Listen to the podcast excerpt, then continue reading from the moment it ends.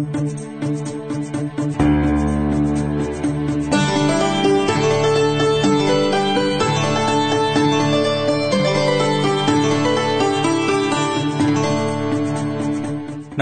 Radio कार्यक्रम साझा पहलमा तपाईँलाई हार्दिक स्वागत छ। म राजन रुचाल अनि म सोभिता रिसाल। कार्यक्रम साझा पहल महिला लैंगिक अल्पसंख्यक अपाङ्गता भएका व्यक्ति र सीमान्तकृत समुदायमा सूचनाको पहुँच पुर्याउने उद्देश्यले तयार पारिएको कार्यक्रम हो।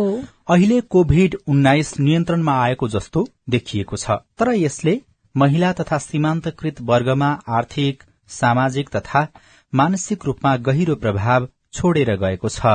कार्यक्रममा हामी लैंगिक समानता र सामाजिक समावेशीकरण जेसीको दृष्टिबाट अब आउने कोविड जस्ता महाव्याधि र विपदसँग सम्बन्धित प्रभावकारी तयारी प्रतिक्रिया र पुनः प्राप्तिको बारेमा छलफल गर्नेछौ। लैंगिक समानता र सामाजिक समावेशीकरण दृष्टिकोण भन्नाले हामी यस कार्यक्रममा महिला सीमान्तकृत वर्ग बालबालिका ज्येष्ठ नागरिक अपाङ्गता भएका व्यक्ति एकल महिला लैंगिक अल्पसंख्यक विभिन्न प्रकारका हिंसाबाट प्रभावित भएका महिला तथा किशोरी दीर्घरोगी गर्भवती तथा सुत्केरीका सवालहरूलाई प्राथमिकता दिनेछौ। सँगै लैंगिक तथा जातीय विभेद मानव बेचबिखनबाट प्रभावित भएका व्यक्तिहरू सामाजिक आर्थिक तथा नागरिक अधिकारबाट वञ्चित भएका व्यक्तिहरूको भोगाई उनीहरूका अपेक्षा पुनरुत्थानका लागि सरकारवालाले के के गर्न सक्छन्? विज्ञ संघको परामर्श साथै सरकारका योजना लक्षित वर्गको पहुँच र कार्यान्वयनको अवस्था बारेमा पनि खोजी गर्नेछौ। साथै कोभिड बारे फैलिएका अफवाहहरू भ्रम र गलत जानकारीलाई सम्बोधन गर्दै विज्ञ संघको सवाल जवाफ पनि प्रस्तुत गर्नेछौ र सबैको पहुँचमा आवश्यक सूचना पुर्याउने हाम्रो प्रयत्न हुनेछ। युएन वोमनको सहयोगमा ल्याक नेपाल र कुराको साझेदारीमा उत्पादन गरिएको कार्यक्रम साझा पहल सीआईएन मार्फत सामुदायिक रेडियोबाट देशैभरि अनि W W W dot CIN khabar dot com र मोबाइल एप सीआईएनमा पनि चाहेको बेला तपाई विश्वभरि नै सुन्न सक्नुहुन्छ। साथै सीआईएनको फेसबुक पेजमा गएर सांकेतिक भाषामा हेर्न पनि सक्नुहुनेछ। कार्यक्रम साझा पहलको छब्बीसौं भागमा आज हामी विपद तथा समस्या परेको बेलामा महिला यौनिक तथा लैंगिक अल्पसंख्यक एकल महिला दलित महिला लगायत सीमान्तकृत समुदायकै लागि भनेर तोकिएका सेवा सुविधाहरूका बारेमा छलफल गर्दै ती सबै सेवा सुविधाबारे लक्षित वर्गमा सूचना तथा जानकारी पुर्याउन गरिएका असल अभ्यासका बारेमा चर्चा गर्नेछौ। सँगै सूचनामा उनीहरूको पहुँच वृद्धि गर्न के गर्न सकिन्छ वा के गर्न जरूरी छ भनेर पनि छलफल गर्नेछौ। साथै पुनः प्राप्ति सम्बन्धीका योजना तथा व्यवस्थापनमा महिलाको सहभागिताको सुनिश्चित गर्न प्रतिबद्धता पनि आजको कार्यक्रममा हामी खोज्नेछौ। छलफलका लागि आज हामीसँग हुनुहुन्छ राष्ट्रिय सूचना आयोगका सूचना आयुक्त कमला ओली थापा तिलोत्तमा नगरपालिका रूपन्देहीका उपप्रमुख जागेश्वर देवी चौधरी बाँकेबाट कोहलपुर नगरपालिकाका प्रमुख प्रशासकीय अधिकृत टीकाराम ढकाल विपदका क्षेत्रमा काम गर्ने संस्था महिला विकास मंच बाजुराका कार्यकारी निर्देशक उजा विष्ट साथै यस क्षेत्रका जानकार विज्ञ बबिता बस्नेत अनि महिला अधिकार कर्मी र पत्रकारहरू पनि छलफलमा सहभागी हुनुहुन्छ। छलफललाई अघि बढाउँदै हुनुहुन्छ सहकर्मी दीपक आचार्य म सुरुमा अब बाजुराबाट नै शुरू गर्न चाहन्छु। यो विपदको बेलामा महिलाका लागि छुट्याइएका सेवा सुविधा र विपदका सम्बन्धी सूचनाहरूका बारेमा र महिलाका लागि स्थानीय सरकारले प्रदेश सरकारले र विभिन्न संघ संस्थाबाट के कुरा आएको छ भन्ने जानकारीहरू चाहिँ महिलामा कतिको पुगेको छ त्यसको संयन्त्रहरू कस्ता छन् अलिकति जानकारी गराइदिनको लागि यसै क्षेत्रमा काम गरिरहनु भएको महिला विकास मञ्च बाजुराका कार्यकारी निर्देशक उजा विष्टलाई म अनुरोध गर्दछु। हस् अब बाजुराको हकमा सरले जुन अब सीमान्तकृत महिलाहरूको पहुँचको कुराहरू सूचनाको कुराहरू कसरी उहाँलाई सेवा प्रवाहको कुराहरूलाई चाहिँ कसरी संलग्न गरिएको छ भन्ने खालको कुराहरूलाई मैले थोरै यहाँ माझ राख्न चाहन्छु सर। स्थानीय सरकारले सूचनाको हक महिलाहरू सीमान्तकृत महिला एकल महिला अपाङ्ग विपन्न महिलाहरूका लागि कसरी पहुँचमा संलग्न भएको छ भन्ने खालको कुरामा अब बाजुरा जिल्ला सरहरूलाई कतिपय थाहा पनि छ बाजुरा जिल्ला एकदमै दुर्गम छ विपन्न छ पछाडि परिएको क्षेत्र छ। तर पनि यहाँको स्थानीय निकाय स्थानीय सरकारले जति सेवा सुविधा पहुँचहरू दिनु पर्थ्यो त्यो खालको सेवा सुविधा पहुँचहरू अझै पुर्याउन नसकेको अवस्था पनि छ। त्यसै गरी अब कतिपय यहाँको विकटता यहाँको संचार यहाँको चाहिँ भौगोलिक विकटताका कारणले पनि नपुगेको छ भने तर पनि यो पछिल्लो आवरमा अब यो महिलाहरूलाई जुन विपदमा सङ्कटमा परेकाहरूलाई सूचना अथवा पहुँचमा कसरी संलग्न गरिएको छ भन्ने खालको यहाँ सरकारी गैर सरकारी निकायसँग समन्वय सहकारीको कुरा सँगसँगै यहाँको गैर सरकारी निकायहरूले चाहिँ विभिन्न खालका कार्यक्रम अथवा यो विपदको बेला उहाँहरूले चाहिँ विभिन्न राहत सँगसँगै यो टेली कार्य अथवा फोन फलोअपका अथवा फोन परामर्शका आधारमा पनि कतिपय सूचनाहरू पुर्याउने गरिएको छ भने स्थानीय सरकारले जति पुर्याउनु पर्ने हो जति उहाँहरूले चाहिँ पहुँचसम्म पुगाउनु पर्ने सेवा सुविधा दिन सक्नुपर्ने अथवा उहाँहरूले चाहिँ इङ्कित गर्नुपर्ने अथवा संलग्न गर्नुपर्ने कुरा अझै पनि नपुगेको कुरा छ। तर पनि अब बाजुरा जिल्लामा जुन हाम्रो एकदमै दुर्गम ठाउँ एकल विपन्न असहाय महिलाहरू हुनुहुन्छ उहाँहरूले एक त आफैले पनि चासो नदिने र उहाँहरूले चाहिँ संलग्न गराउनका निमित्त अथवा उहाँहरूले चाहिँ पहुँचसम्म पुर्याउनका निमित्त हामीले भनौँ न अब यहाँको सरकारले हुनसक्छ गैर सरकार निकाय अथवा पत्रकार विभिन्न माध्यमहरूले उहाँसँग समन्वय सहकार्य एक खालको सहजीकरणका माध्यमले पनि पहुँचहरू पुगाउने अथवा सूचनाको हकहरू पुगाउने अथवा सेवा सुविधाहरू पुर्याउने खालको कुराहरू प्रयास भइराखेको छ।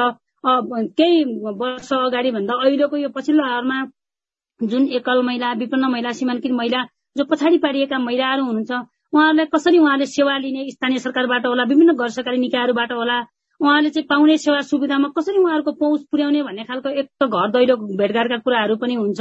र त्यसै गरी उहाँहरूसँग फोन फलोअपका कुराहरू परामर्शका कुराहरू भेटघाट छलफल र विभिन्न अन्तर्क्रिया गोष्ठी छलफलका माध्यमहरूबाट पनि उहाँहरूले पाउने सेवा सुविधा के हो तपाईँहरूको पहुँच कहाँसम्म छ अब कसरी त्यहाँ पहुँचसम्म लैजाने अथवा पहुँचसम्म तपाईँले चाहिँ लाग्नुपर्छ भन्ने खालको र स्थानीय सरकारसँग पनि हामी समन्वय सहकारी छलफल गर्दै आएका छौँ र अहिले पछिल्लो आवरमा स्थानीय निकायका पदाधिकारी अथवा स्थानीय सरकारले पनि यो विपन्न वर्गका महिलाहरूलाई विपदमा अथवा विपदको समयमा महिलाहरूलाई कसरी सेवा प्रवाह गर्ने कसरी उहाँहरूलाई पहुँचमा पुर्याउने भन्ने खालको अलिकति सचेतीकरण भएर त्यतातिर लाग्नुपर्छ कि भन्ने खालको भनौँ न एक खालको योजना अथवा त्यससँग छलफल भइराखेको कुरा छ सर। अब म पछि पनि केही कुरा त्यस्तो आयो भने थपौँला र अब हामी बाजुरा जिल्लामा हामी महिला विकास मञ्च बाजुराले पनि महिला बाल बालिका र विपन्न महिला अथवा एकल महिला सीमान्तकृत महिला असहाय महिलाहरूको क्षेत्रमा काम गर्दै आइरहेका छौँ। हामी जिल्लाभरि नै काम गर्छौँ।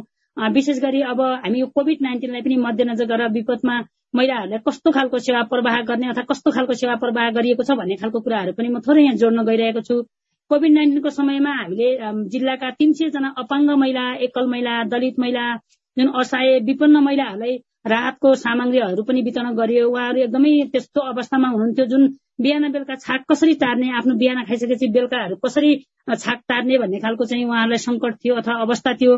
त्यो बेला उहाँहरूलाई केही राहत पुग्छ भनेर त्यो महिलाहरूलाई चाहिँ संलग्न गरेर हामी तिन सयजना महिलाहरूलाई दाल चामल तेल नुन साबुन चिनी अथवा यो सरसफाइको सामग्रीहरू पनि हामीले वितरण गरेका थियौँ। त्यसै गरी यो विपदको बेला अथवा कोभिड नाइन्टिनकै बेला एक सय असीजना किशोरीहरूलाई लाई पनि मध्यनजर गरी अर्थात् किशोरीहरू मिनिस्ट्रेसन हुन्छन् उहाँलाई सेनिटरी प्याडको पहुँचहरू हुँदैन उहाँलाई सेवा हुँदैन।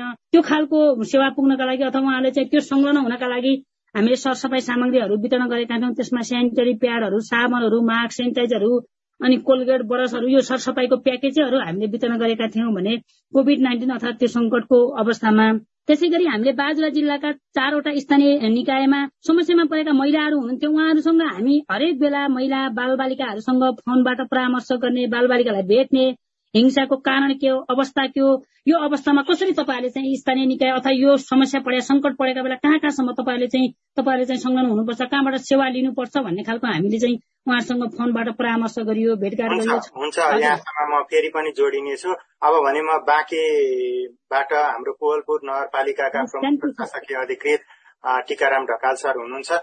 महिलाका लागि लैङ्गिक अल्पसंख्यकका लागि सीमान्तकृत वर्गका लागि चाहिँ विपदको बेलामा यो यो सेवा सुविधाहरू छन् भन्ने सूचना चाहिँ उहाँ सम्बन्धित समुदायमा कसरी पुग्छ तपाईँहरूले कस्तो संयन्त्रहरू बनाइरहनु भएको छ? अहिले भर्खरै आएको कुराहरू जस्तै यस्तै हो। हामी जिल्लामा र पालिकामा विशेष गरी एकरूपतापूर्वकै कार्यक्रमहरू सञ्चालन भइरहेका हुन्छन्। चाहे त्यो संचारको माध्यम होस् चाहे विपद व्यवस्थापन होस् चाहे अन्य व्यवस्थापन होस् अलमोस्ट सेम नै हुन्छ धेरै जसो र हामीले थप नयाँ कामहरू भनेर त्यसरी उल्लेख गर्न लायक त्यस्तो त नहुन नै सक्छ। तर अब हामीले विशेष गरी विपदको सन्दर्भमा कुरा गर्दाखेरि चाहिँ हामीले विपद प्रतिकारी योजना तयार गरेका छौँ। त्यसमा विभिन्न क्लस्टरहरूमा कसरी काम गर्ने भन्ने कुरा पनि हामीले त्यसमा उल्लेख गरेका छौँ। विपद प्रतिकारी योजना अब फाइनल चरणमा पुग्न थालेको छ हाम्रो अन्तिम ड्राफ्ट तयार भइसकेको छ।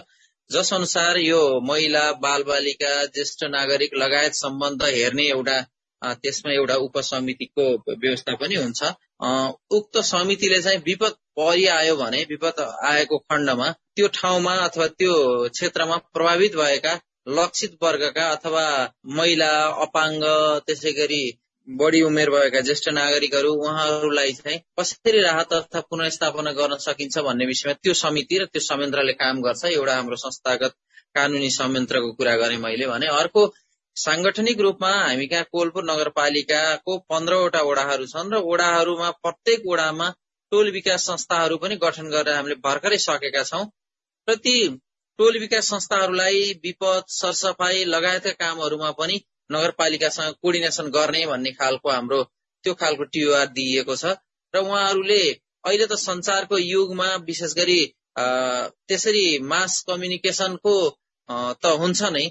त्यसको अलावा एक कान दुई कान गर्दै गर्दै फोन फोनबाट पनि हामीले चाहिँ संचार सूचना संचार प्रवाह गर्ने गरेका छौँ जसमा नगर प्रमुखज्यू उप प्रमुखज्यू विपद हेर्ने हाम्रो संयोजक र विपद हेर्ने शाखाका टेलिफोन नम्बरहरू हामीले सबैलाई उपलब्ध गराएका छौँ।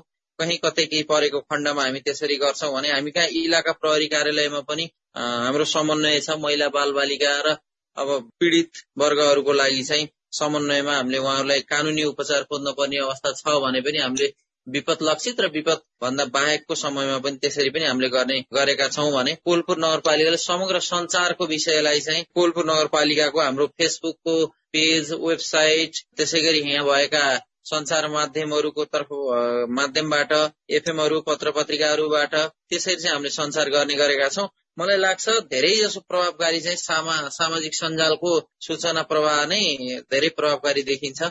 हामीले एउटा कुनै सूचना हाल्यौं अथवा सन्देश हाल्यौं भने मलाई लाग्छ दुई दिनभित्रमा कोलपुर सम्पूर्ण कोलपुरवासीले कुनै न कुनै माध्यमबाट थाहा पाएको जस्तो हामीले योभन्दा अगाडिका कार्यक्रमहरूबाट पनि अनुभूति गरेका छौँ।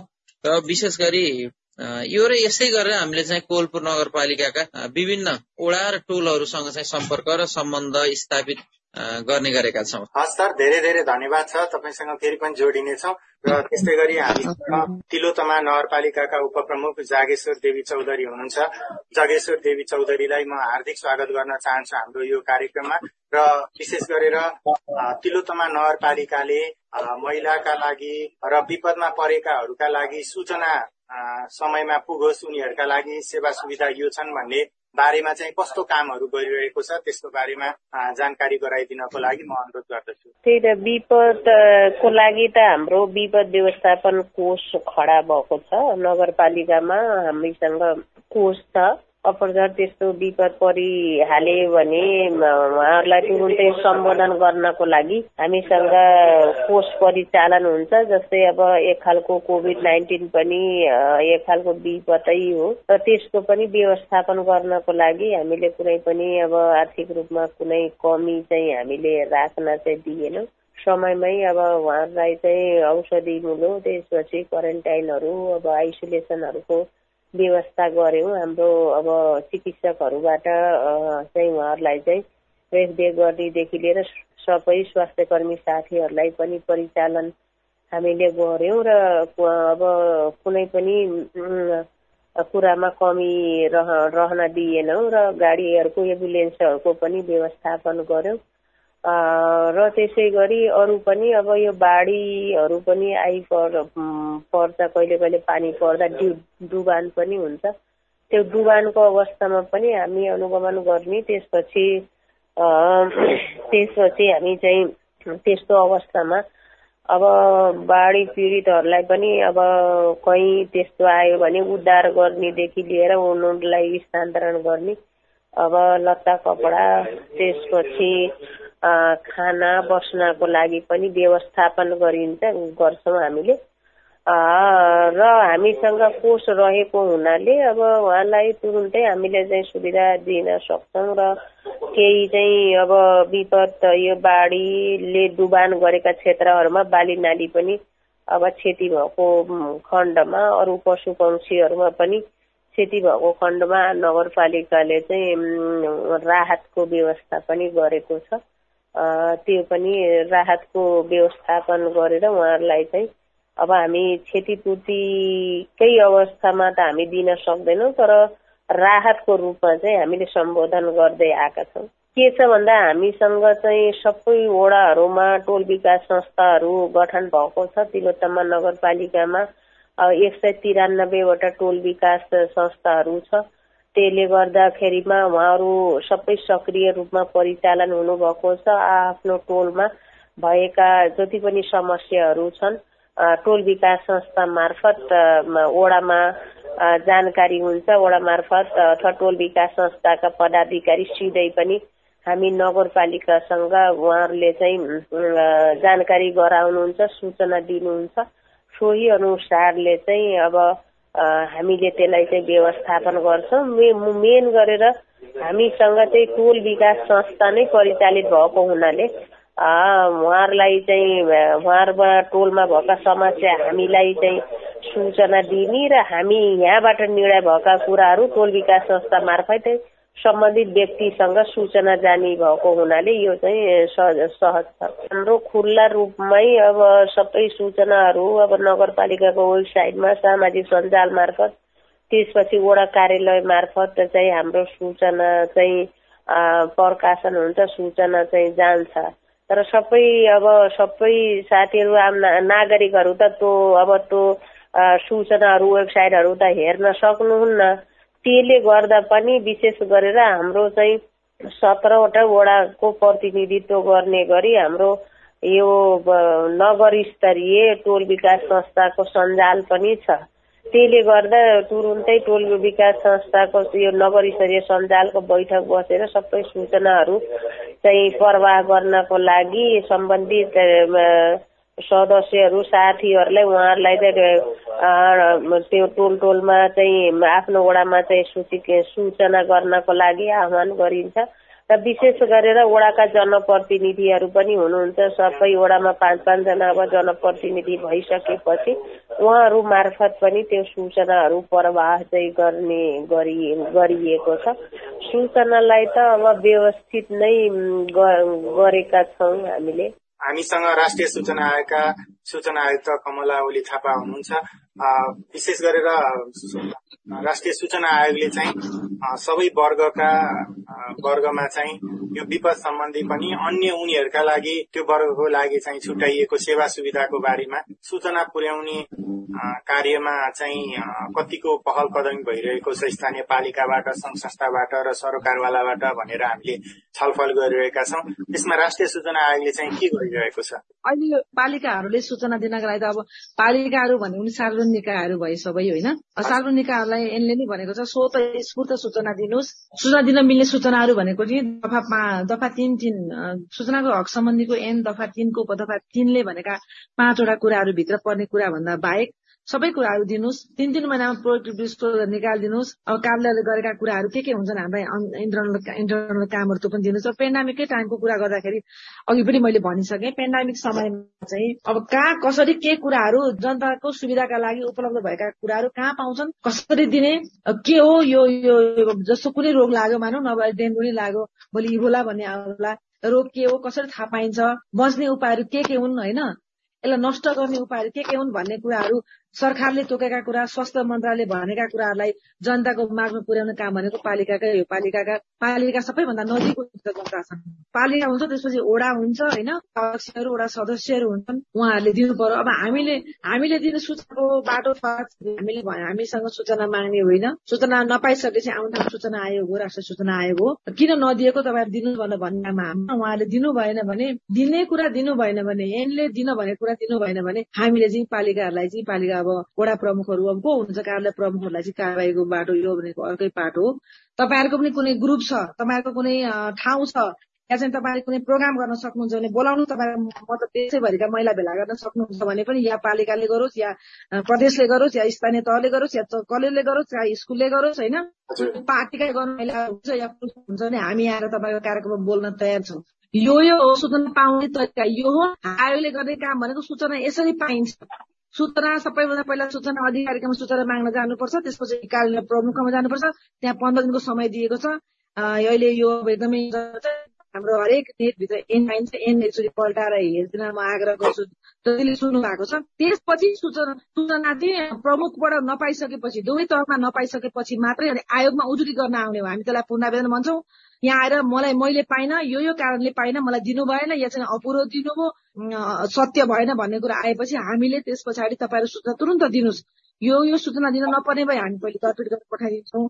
र दिनुपर्ने सूचना दिनुहोस् भनेर हामी आदेश गर्छौँ तत्काल। अहिले राष्ट्रिय सूचना आयोगले पहिला जस्तो छैन अहिले हामीले साठी दिनभित्रमा हाम्रोमा सूचना मुग्न आइसकेपछि पाइन भनेर आएपछि साठी दिनभित्रमा त्यो फैसला सकिन्छ। मुद्दा सिध्याउँछौँ हामीले। सूचना दिनुहोस् भन्छौँ या नदिने भए हामी खारेज गर्छौँ। नदिनेलाई कारवाही गर्छौँ। अहिले लगभग बत्तीस चौतिसवटा कति हाम्रा कारवाही पनि भइसकेका छन्। र त्यसले गर्दाखेरि यो कुरालाई तपाईँलाई चाहिन्छ आवश्यकता पर्छ भने हामी तिनजना आयुक्तहरू छन्। महेन्द्रमान गुरुङ हुनुहुन्छ रत्नप्रसाद मैनाली हुनुहुन्छ हाम्रो वेबसाइट छ। वेबसाइट अत्यन्तै अपडेट छ अहिले हेर्नुहोस्। त्यसमा गएर पनि धेरै कुरा बुझ्नुहुन्छ हामीलाई बोलाउनु भने हामी आएर बोल्न सकेका छौँ है। हुन्छ म्याम धेरै धेरै धन्यवाद छ। अब भने यसै क्षेत्रको विज्ञ अनि वरिष्ठ पत्रकार बबिता बस्नेतर्फ लाग्छु। यो सूचनाको महत्व कति हुन्छ? र जुन महिलाका लागि छुट्याइएको सेवा सुविधाको बारेमा सूचना पुग्ने अवस्था चाहिँ कस्तो छ तपाईँले कस्तो पाउनु भएको छ र त्यसको लागि चाहिँ के गर्नुपर्छ भन्नेमा तपाईँको आफ्नो भनाइ राखिदिन मैले अनुरोध गरेँ अब यसमा चाहिँ कस्तो छ भने सूचनाको हकसँग कुरा गर्दाखेरि हामीले अलिकति यो फेसबुकहरू अथवा मिडिया भन्दा अलिकति पर गएर हामीले चाहिँ कुरा गर्नुपर्ने हुन्छ। पर यो पनि एउटा माध्यमको एउटा उचाइने हो होइन? हामीले कसरी सुसूचित गर्ने कसरी गर्ने भन्ने चाहिँ मिडिया रिलेटेड एउटा कुरा भयो र सूचनाको हकलाई चाहिँ अब यहाँहरू सबैलाई थाहा छँदैछ होइन यसलाई निवेदनै हालेर इन्फर्मेसन माग्न सक्ने कसरी बनाउने भन्ने चाहिँ एउटा ठुलो चुनौती चाहिँ देख्छु। सूचनाको हक भन्नेको जुन हामीले हाम्रो बुझाइलाई नै बुझाइलाई नै फरक तरिकाले बुझिरहेको अवस्था चाहिँ छ होइन? गाउँघरमा सहरमा सूचना भन्ने बित्तिकै यो मिडियाको कुरा होला इन्फर्मेसन भन्ने बित्तिकै यो फेसबुक ट्विटर सोसियल मिडिया मिडियाको कुरा भन्ने खालको जुन छ त्यो भन्दा पनि हामीले चाहिँ विभिन्न सेवाग्राहीहरू जो चाहिँ अहिले विशेष गरी हामी अहिले विपदको अवस्थामा हामी काम कुरा गरिरहेछौँ त्यस्तो बेलामा चाहिँ के कस्ता सूचनाहरू उहाँहरूले पाउनु पर्ने हो र त्यो सूचनाहरू प्राप्त गर्नु भएको छ कि छैन? छैन भने किन छैन? पाउनु भएको छ भने कसरी पाउनु भएको छ भन्ने बारेमा चाहिँ त्यो जुन कुरा चाहिँ अरूले पनि रिप्लिकेट गर्न सकुन् भन्ने खालको त्यसरी चाहिँ हामीले अलिकति त्यो लेभलबाट हामी अगाडि बढ्नुपर्छ होला जस्तो मलाई लाग्छ। विपदको बेलामा हाम्रो सूचनाको यति धेरै ठुलो महत्व छ होइन?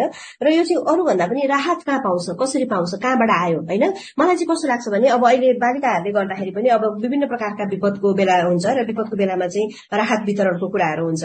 हामीले के गर्छौँ भन्दाखेरि हाम्रो राहतमा ऱ्यान्डमली वितरण गरिदिन्छौँ के? तर त्यस्तोमा चाहिँ अब कहाँ पाउँछ? कस्तो कस्तो मान्छेहरूको लागि हो? र अर्को कुरा पनि मलाई के गर्न मन लागेको छ भने यसमा चाहिँ के सजेस्ट गर्न मन लागेको छ भने त्यो चाहिँ जस्तो एनजिओहरूले पनि के गरिदिन्छ? मानव उदाहरणको लागि हामीले लगेर गऱ्यौँ भने हाम्रो संस्थाको नाम राखेर त्यो हामीले लगेको हुँदैन नि त। हामीलाई त अरू नै कसैले दिएको हुन्छ नि?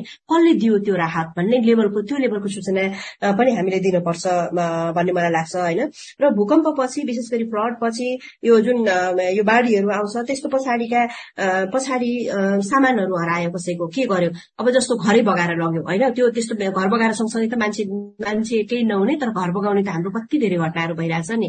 यो चाहिँ मेलाम्चीमा पनि भयो कति कति तराईमा पनि भइरहेको हुन्छ होइन? अनि त्यसले गर्दाखेरि नागरिकता कहाँ कहाँ कसरी गर्ने? कसरी फेरि अर्को नागरिकता कसरी लिने? अब त्यसरी त्यसै गरी यो यो लाल पूर्जाहरू जान्छ त्यो कसरी गर्ने भने त्यो एउटा सूचना संयन्त्र चाहिँ बनाउनु पर्छ भन्ने मेरो सजेसन चाहिँ के छ भन्नुहुन्छ भने सबै नगरपालिका गाउँपालिकाहरूले त्यस्तो प्रकारका त्यस्तो खालको विपदको बेलामा हामीले राहत कहाँबाट पाउँछौ? कसरी पाउँछौ? कोबाट पाउँछौ? पाइरहेछौ कि छैन पाइसकेको कसरी पाइरहेको छौ होइन? हाम्रो कुनै सामान हरायो त्यो सामान कसरी कसरी फेरि त्यसलाई सामान भन्दा पनि कुनै एउटा डकुमेन्ट हरायो होइन? त्यो डकुमेन्टलाई फेरि जस्ताको त्यस्तै कसरी कहाँबाट लिने भन्ने खालको कुराहरू चाहिँ त्यस्तो खालको दिनको लागि सूचना सूचना केन्द्र भन्ने हाम्रो कतिपय ठाउँमा छ छन चाहिँ तर अहिले सूचना केन्द्रहरूमा यो सूचना दिने एकदमै सतही खालको कुराहरू छ कि एकदम डिटेलमा एकदम क्लियर इन्फर्मेसनहरू दिने खालको त्यो छैन। त्यो एउटा चाहिँ गर्नुपर्छ भन्ने मेरो एउटा भनाइ छ। र अर्को कुरा चाहिँ यो सूचनाको हकको कार्यान्वयन गर्नको लागि सबै नगरपालिकामा गाउँपालिकाहरूले चाहिँ पहल गर्नु पर्यो अब खास यो राज्य स्तरबाट सबैतिरबाट नै गर्नुपर्ने भयो तर गाउँपालिकाबाट नगरपालिका यो यो चाहिँ नि यो यो ओडा ओडाबाटै भयो भने चाहिँ के हुन्छ भने जनतामा सचेतता आउँछ कि मैले चाहिँ यो सूचना चाहिँ मैले पाउन पर्छ मैले पाइनँ भनेदेखि मैले निवेदन हालेर मैले पाउनुपर्छ भन्ने खालको निवेदन हालेरै सूचना माग्न सक्ने खालको चाहिँ त्यो बनाउने त्यो लेभलको सचेतना जगाउनु चाहिँ एकदमै जरुरी छ र त्यो चाहिँ नि गाउँपालिका नगरपालिकाहरूले झनै सजिलो गरी गर्न सक्छन्। एउटा त्यो खालको अभियानै हामीले सञ्चालन गर्नुपर्ने अवस्था चाहिँ छ। जस्तो मसँग समय छैन होला तर केही उदाहरणको लागि दिँदाखेरि इन्डियामा एकदम ठुल्ठुलो अभियानहरू छ कि। इन्डियामा चाहिँ सूचनाको हक भनेपछि यति ठुलो ठुलो अभियानहरू भयो र त्यहाँ चाहिँ यो मार्जिनलाइजहरूले बढी युज गर्यो कि। मार्जिनलाइजहरूले महिलाहरूले यति ठुलो युज गर्यो कि यहाँ सूचनाको हकको अभियन्ता भए बापत अरुणाले अरुणा लास्टले मैले बिर्सेँ अरुणा रानी जस्तो लाग्छ मलाई। उहाँले चाहिँ उनी पाउनुभयो होइन? उहाँले चाहिँ म्यागेसेस अवार्डै पाउनुभयो।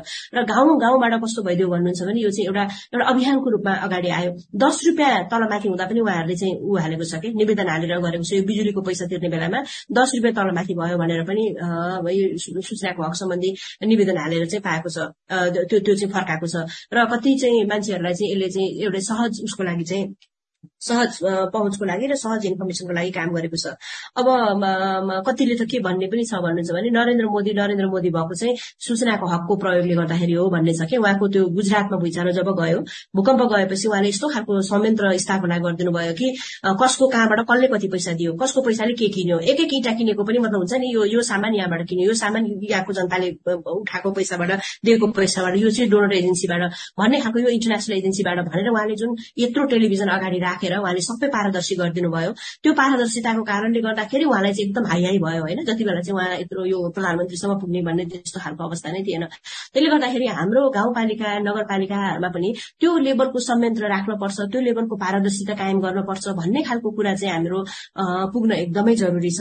र त्यो चाहिँ त्यहाँभित्र जस्तो अब यहाँ शेखर अधिकृतज्यू हुनुहुन्छ होइन? उहाँहरूको उहाँहरूले नै चाहनुभयो भने एकदम मजाले इस्टाब्लिस गर्न सकिन्छ क्या र यस्तो गरौँ उहाँहरूसँग बजेट छ अहिले फेरि अहिले त माथि केन्द्रमा अथवा प्रदेशमा भन्दा त बजेट त तल राम्रो बजेटहरू छ ठुलो बजेट पनि चाहिँदैन। यस्तो खालको अभियानहरू गर्ने जनतालाई सचेत गराउने र प्लस सेवाग्राही र यो राइट होल्डर र ऊ चाहिँ अफिस बेररहरू हुन्छ नि अधिकार माग्ने र अधिकार यो चाहिँ उसको दिने अधिकारीहरू। बीचको चाहिँ समन्वय भएर दुई थरीकै पहिला अलग अलग खालको उहरू गर्ने होइन? त्यसमा ओरिएन्टेसनहरू भयो र प्लस दुवैजनाको बीचको यो संयुक्त रूपमा चाहिँ एकअर्काको इन्ट्रेक्सनहरू त्यस्तो भइदियो भने चाहिँ धेरै राम्रो हुन्छ। त्यही सुझाव चाहिँ दिन चाहन्छु म। हुन्छ धेरै धेरै धन्यवाद। तपाई यति बेला रेडियो कार्यक्रम साझा पहल सुनिरहनु भएको छ। यो कार्यक्रम महिला लैंगिक अल्पसंख्यक अपाङ्गता भएका व्यक्ति र सीमान्तकृत समुदायमा सूचनाको पहुँच पुर्याउने उद्देश्यले तयार पारिएको हो। आजको कार्यक्रममा हामीले विपद तथा समस्यामा परेको बेलामा महिला यौनिक तथा लैंगिक अल्पसंख्यक एकल महिला दलित महिला लगायत सीमान्तकृत समुदायकै लागि भनेर तोकिएका सेवा सुविधाहरूका बारेमा छलफल गर्दै ती सबै सेवा सुविधाबारे लक्षित वर्गमा सूचना तथा जानकारी पुर्याउन गरिएका अभ्यासका बारेमा चर्चा गर्यौं। सँगै सूचनामा उनीहरूको पहुँच वृद्धि गर्न के गर्न सकिन्छ वा के गर्न जरूरी छ भनेर विज्ञको भनाई पनि समावेश गर्यौं। यो सँगै हामी कार्यक्रमको अन्त्यमा आइपुगेका छौं। तपाईंलाई तपाईंको पालिका वा सरोकारवालासँग केही सोध्न भन्न जान्न बुझ्न अथवा समस्या सुनाउन मन छ भने हामीलाई सम्पर्क गर्न सक्नुहुनेछ। केही प्रश्न प्रतिक्रिया र टिप्पणी छन् भने हाम्रो टेलिफोन नम्बर शून्य एक बान्न साठी छ चार छमा फोन गरेर रेकर्ड गराउन सक्नुहुनेछ। आजका लागि प्राविधिक साथी सुभाष पन्तलाई धन्यवाद। साथै कार्यक्रमलाई सांकेतिक भाषामा अनुवाद गर्ने साथी उमा पौडेललाई पनि धन्यवाद दिँदै अहिलेको रेडियो कार्यक्रम साझा पहलबाट म सोभिता रिसाल। अनि म राजन रुचाल पनि विदा भयौं। नमस्कार।